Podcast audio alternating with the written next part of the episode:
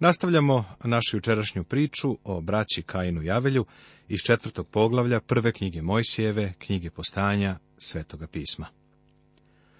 A i Avelj prinese od prvina stada svojega i od njihove pretiline, i gospod pogleda na Avelja i na njegov prinos. A na Kaina i na njegov prinos ne pogleda. Zato se Kain rasrdi veoma i lice mu se promeni. Neko bi rekao, ne vidim ništa loše u tome što je Kain uradio.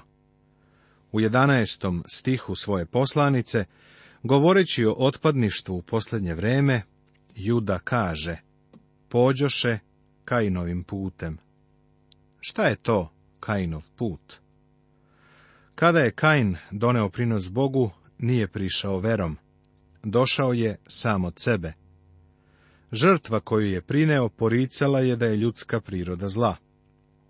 Bog je rekao, prinesi tu malu krvnu žrtvu koja će ukazivati na izbavitelja koji dolazi na svet. Priđi na osnovu toga, a ne prilazi donoseći mi delo svojih ruku. Kajnova žrtva je također poricala da je čovek odvojen od Boga. On se ponašao kao da je sve u redu. To je ono što danas liberalizam čini, govoreći o univerzalnom Božijem očinstvu i univerzalnom bratstvu ljudi. Prijatelju, nije sve sa nama danas u redu. Nismo rođeni kao deca Božja. Da bismo bili deca Božja, moramo se nanovo roditi. Čovek je odvojen od Boga. Kain je odbio to da uvidi, kao što i mnoštvo ljudi čini danas.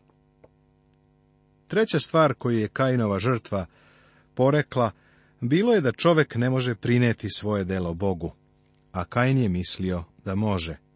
Pismo kaže, spasao nas je ne na osnovu dela koja smo mi učinili u pravednosti, nego po svojoj milosti, banjom koja preporađa i obnavlja duhom svetim.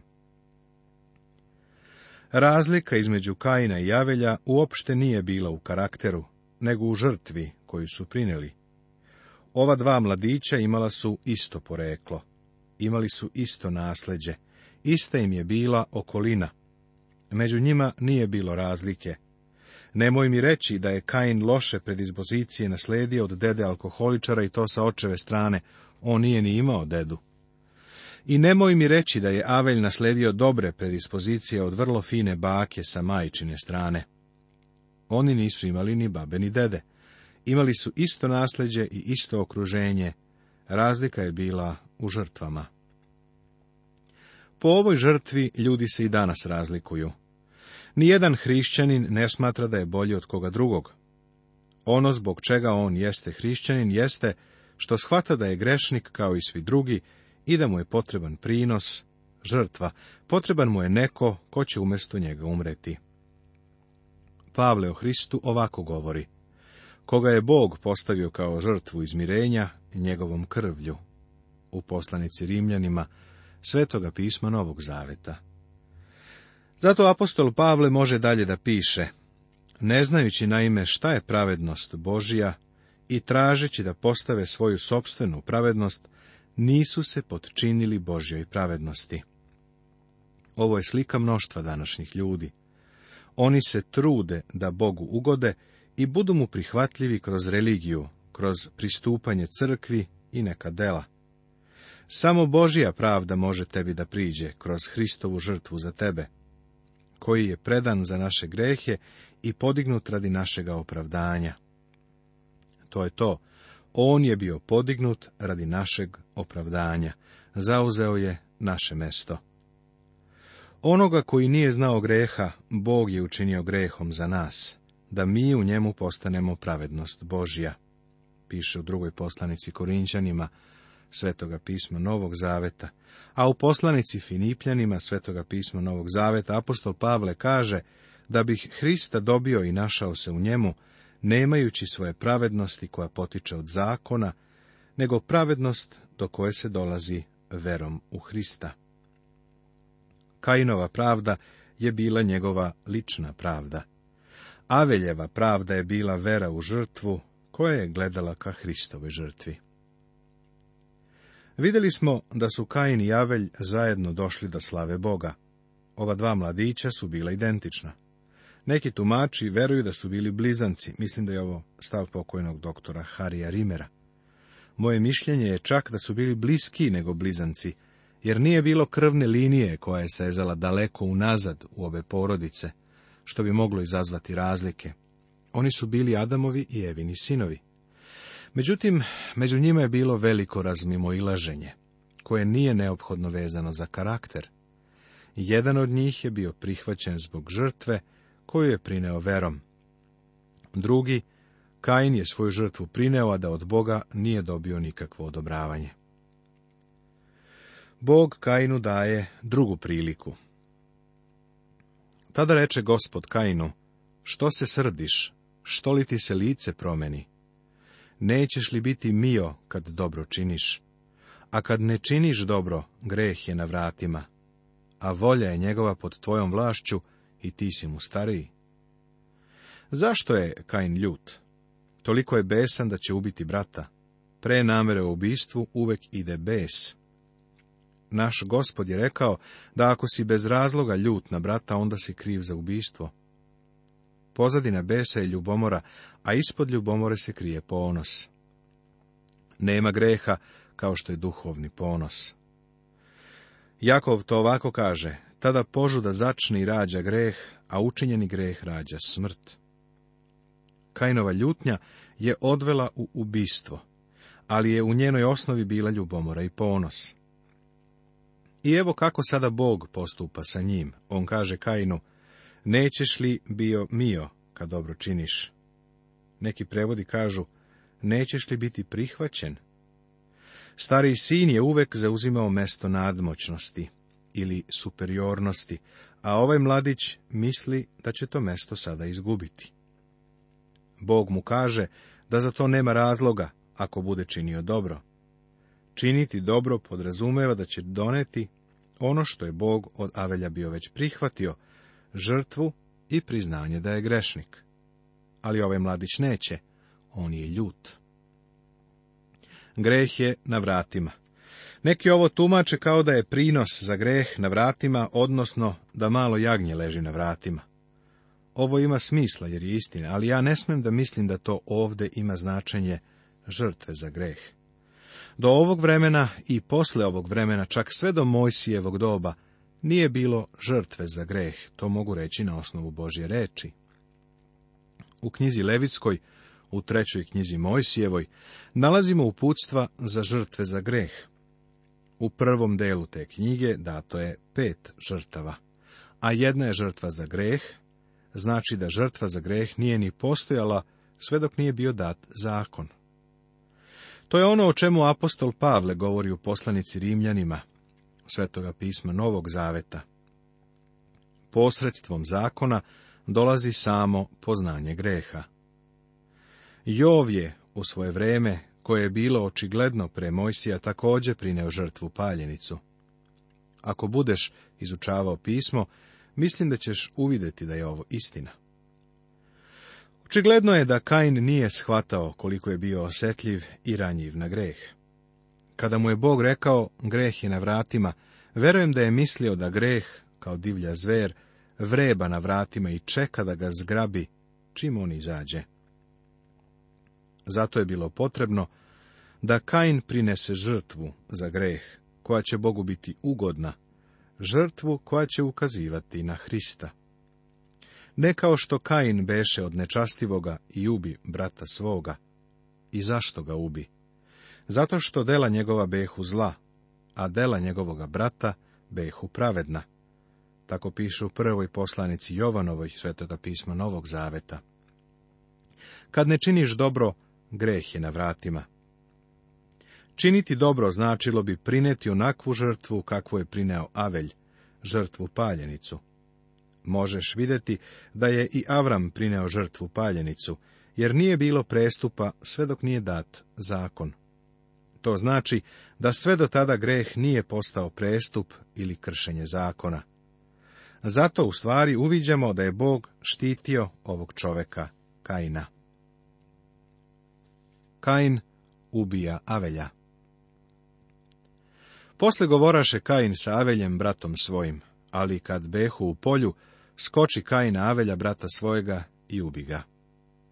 Tada reče gospod Kainu, gde ti je brat, Avelj? A on odgovori, ne znam, zar sam ja čuvar brata svoga? Ovo je praktično nepromišljen i bestidan odgovor. On je u stvari malo mario i za brata i za Boga. Pokušavao je da sakrije svoj postupak, ali pismo kaže, Ništa nije skriveno što se neće otkriti, niti tajno što se neće doznati. O ovome bi trebalo da porazmisliš ako imaš kakve tajne grehe. Bolje bi bilo da se njima pozabaviš ovde, jer će i onako jednoga dana svi da izađu na videlo u Božjem prisustvu. On ih već zna. Jedino što i ti možeš da mu ih kažeš. Kain pokušava da kaže da nije kriv. Zar sam ja čuvar brata svoga? Kakav drzak odgovor. A Bog reče, šta učini? Glas krvi brata tvoga viče sa zemlje k meni. Pisac poslanice jevrejima Svetoga pisma Novog Zaveta koristi ovo u 12. poglavlju. I posredniku Novog Saveza Isusu i krvi kropljenja, koja govori bolje nego Aveljeva krv. Aveljeva krv govorila je o počinjenom ubijstvu. Hristova krv govori o iskupljenju, spasenju. I sada da si proklet na zemlji, koja je otvorila usta svoja da primi krv brata tvojega iz ruke tvoje. Kad zemlju uzradiš, neće ti više davati blaga svojega, bit ćeš potukač i begunac na zemlji. Ipak, u naše vrijeme postoji prokletstvo nad zemljom zbog čovekovog greha, koje je dovelo do toga da zemlja izgubi plodnost. U nekim najbujnijim predelima zemlje mnoštvo ljudi gladuje. Potreban je veliki napor i dovitljivost da bi čovjek uspeo da dovede do toga da zemlja rađa izobilno. Sigurno je da Aveljeva krv vapi iz same zemlje, krv koja je prolivena ubistvom brata. A Kain reče gospodu, krivica je moja velika, da mi se ne može oprostiti. Ako je Kainova kazna bila veća nego što je on mogao podneti, Zašto se nije okrenuo ka Bogu, priznao greh i predao se Božjoj milosti? Za njega to jeste bilo previše da nosi, ali je Bog obezbedio spasitelja, samo ako mu se Kain obrati.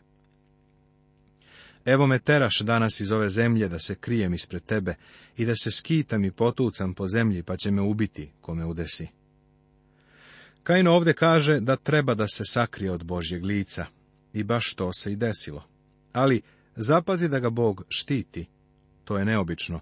Bog daje utočište ubici, kriminalcu. A gospod mu reče, zato ko ubije Kaina, sedam će se puta to pokajati. I načini gospod znak na Kainu, da ga ne ubije koga udesi. Ne znam kakav je to bio znak. Ima mnogo spekulacija u vezi sa ovim i ne znam zašto bih svemu tome dodao još jednu. Ali Bog štiti Kaina. U to vreme nije bilo zakona. Kain je grešnik, ali nije prestupnik, jer za ubistvo još nije bio dat zakon. Njegov veliki greh je bio to što Bogu nije prineo prihvatljivu, ugodnu žrtvu. Njegova dela bila su zla, u onome što je Bogu prineo, a tu svoju zlu prirodu je pokazao kroz to što je ubio brata. Kainovi potomci i bezbožna civilizacija Smatram da je Kain otišao od Boga i uspostavio civilizaciju koja je potpuno odvojena od Boga. Kainovi potomci ustanovili su bezbožnu civilizaciju. I otide Kain ispred gospoda i naseli se u zemlji Najitskoj na istoku prema Edemu. Poznajem mnogo ljudi koji žive u takozvanoj zemlji Najitskoj, kada su u crkvi, ali iskreno govoreći ne znam gdje je stvarno zemlja Najitska. Često sam se pitao gde je, pa opet i u vezi sa ovim nailazimo na spekulacije. Ipak, rečeno nam je da je Kain otišao i naselio se u tom kraju. I pozna Kain ženu svoju i ona zatrudnje i rodi Enoha, i sazida grad i prozva ga po imenu sina svojega Enoh. Od tog doba ljudi ovo rade. Vole da ulice i gradove nazovu po svom imenu ili po imenu nekog koga vole. Čak i u hrišćanskom radu imate škole koje nose imena nekih ljudi. Ljudi vole to da rade, bez obzira na to da li ili jesu ili nisu hrišćani i bez obzira da li slede kajina. Ovdje je početak gradskog urbanog života. I sazida grad i prozva ga po imenu sina svojega Enoh. Gradovi su danas postali jedan od najvećih čovekovih problema. Ljudi kažu da gradovi umiru, pa ipak ljudi širom sveta hrle ka gradovima. A Enohu rodi se Gajdad, a Gajdad rodi Maleila, a Maleleilo rodi Matusala, a Matusal rodi Lameha. I uze Lameh dve žene, jednoj beše ime Ada, a drugoj Sela. Ovo je početak poligamije, mnogoženstva. Lameh ovde čini ono što je u suprotnosti sa Božijim namerama, sa onim što Bog ima za čoveka nigde u Svetom pismu nećeš naći da Bog odobrava poligamiju. Ako pažljivo čitaš spise, vidjet ćeš da on ovo osuđuje. On ih beleži zato što daje istorijski zapis i baš na osnovu toga on ovde govori o tome. Ada znači zadovoljstvo ili ukras. Pretpostavljam da je ona prva imala salon lepote. Sela znači sakriti se, Pretpostavljam da to znači da je ona bila koketna. Kakve dve devojke on imao za žene, nije čudo što je imao problema. Kasnije ćemo vidjeti šta se dogodilo. Ovde sada imamo početak civilizacije, kainističke civilizacije. I Ada rodi Jovila, od njega se narodiše koji žive pod šatorima i stoku pasu. Od njega se narodiše koji žive pod šatorima.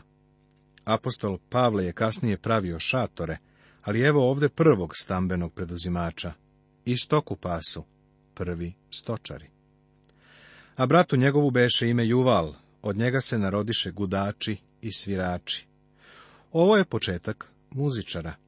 Kada danas slušamo neku savremenu muziku, siguran sam da bi se mnogi složili da je sigurno potekla iz Kainove civilizacije. A i sela rodi Tovela, koji beše vešt kovati svašta od medi i od gvožđa, a sestra Tovelu beše Noema. Ovde vidimo prve zanatlije. I reče Lameh svojim ženama Adi i Seli, čujte glas moj, žene Lamehove, poslušajte reči moje, ubiću čoveka za ranu svoju i mladića za masnicu svoju. Kad će se Kain osvetiti sedam puta, Lameh će sedamdeset i sedam puta. Lameh kaže, ako se Kain izvukao sa ovim ubistvom, i ja ću se izvući. Osim toga, on nije ubio u samoodbrani kao ja. Ne znam da li su njegove dve žene ovo odobravale ili je on samo branio jednu od njih. Nije nam rečeno šta se to desilo. Lameh smatra da će biti osvećen sedam puta. Naš gospod je rekao Simonu Petru da svom neprijatelju treba da oprosti baš toliko puta. Rođenje sita a Adam opet pozna ženu svoju i ona rodi sina i nadene mu ime Sit, jer mi reče, Bog dade drugog sina za Avelja koga ubi Kain. I Situ se rodi sin, kojemu nadede ime Enos. Tada se poče prizivati ime gospodnje. Očigledno je ovo vreme kada su ljudi počeli da prizivaju ime gospodnje prvi put. Poglavlje peto Tema Posljednje poglavlje o Adamovoj biografiji. Uzbudljiva priča o Enohu. Rodoslov od Enoha do Noja. U prvom delu postanja, prve knjige Mojsijeve, poglavlja od 1 do 11, imamo svetske događaje. Prvo imamo stvaranje, zatim pad, pa sada u poglavljima 5 do 9 imamo potop. U poglavlju 5 nalazi se popis generacija ili rodoslov od Adama do Sita. Predstavljena nam je i Kainova linija, ali je sada već izostavljena. Ponovo će se spominjati jedino ako se bude ukrštala ili ako bude presecala božansku liniju. Ovo je model koji nam je predstavljen u knjizi Postanja. Na neki način, poglavlje peto je jedna od najobezhrabrujućih i čak najbeznadežnijih poglavlja u Bibliji. Bog je rekao Adamu, jer u koji dan okusiš snjega, umrećeš. U prvoj knjizi Mojsijevoj, svetoga pisma Staroga Zaveta u drugom poglavlju. Tako su svi Adamovi sinovi umrli. Apostol Pavle kaže, jer kao što u Adamu svi umiru, u prvoj Korinčanima, u 15. poglavlju. Sutra nastavljamo posljednjim poglavljem u Adamovoj biografiji.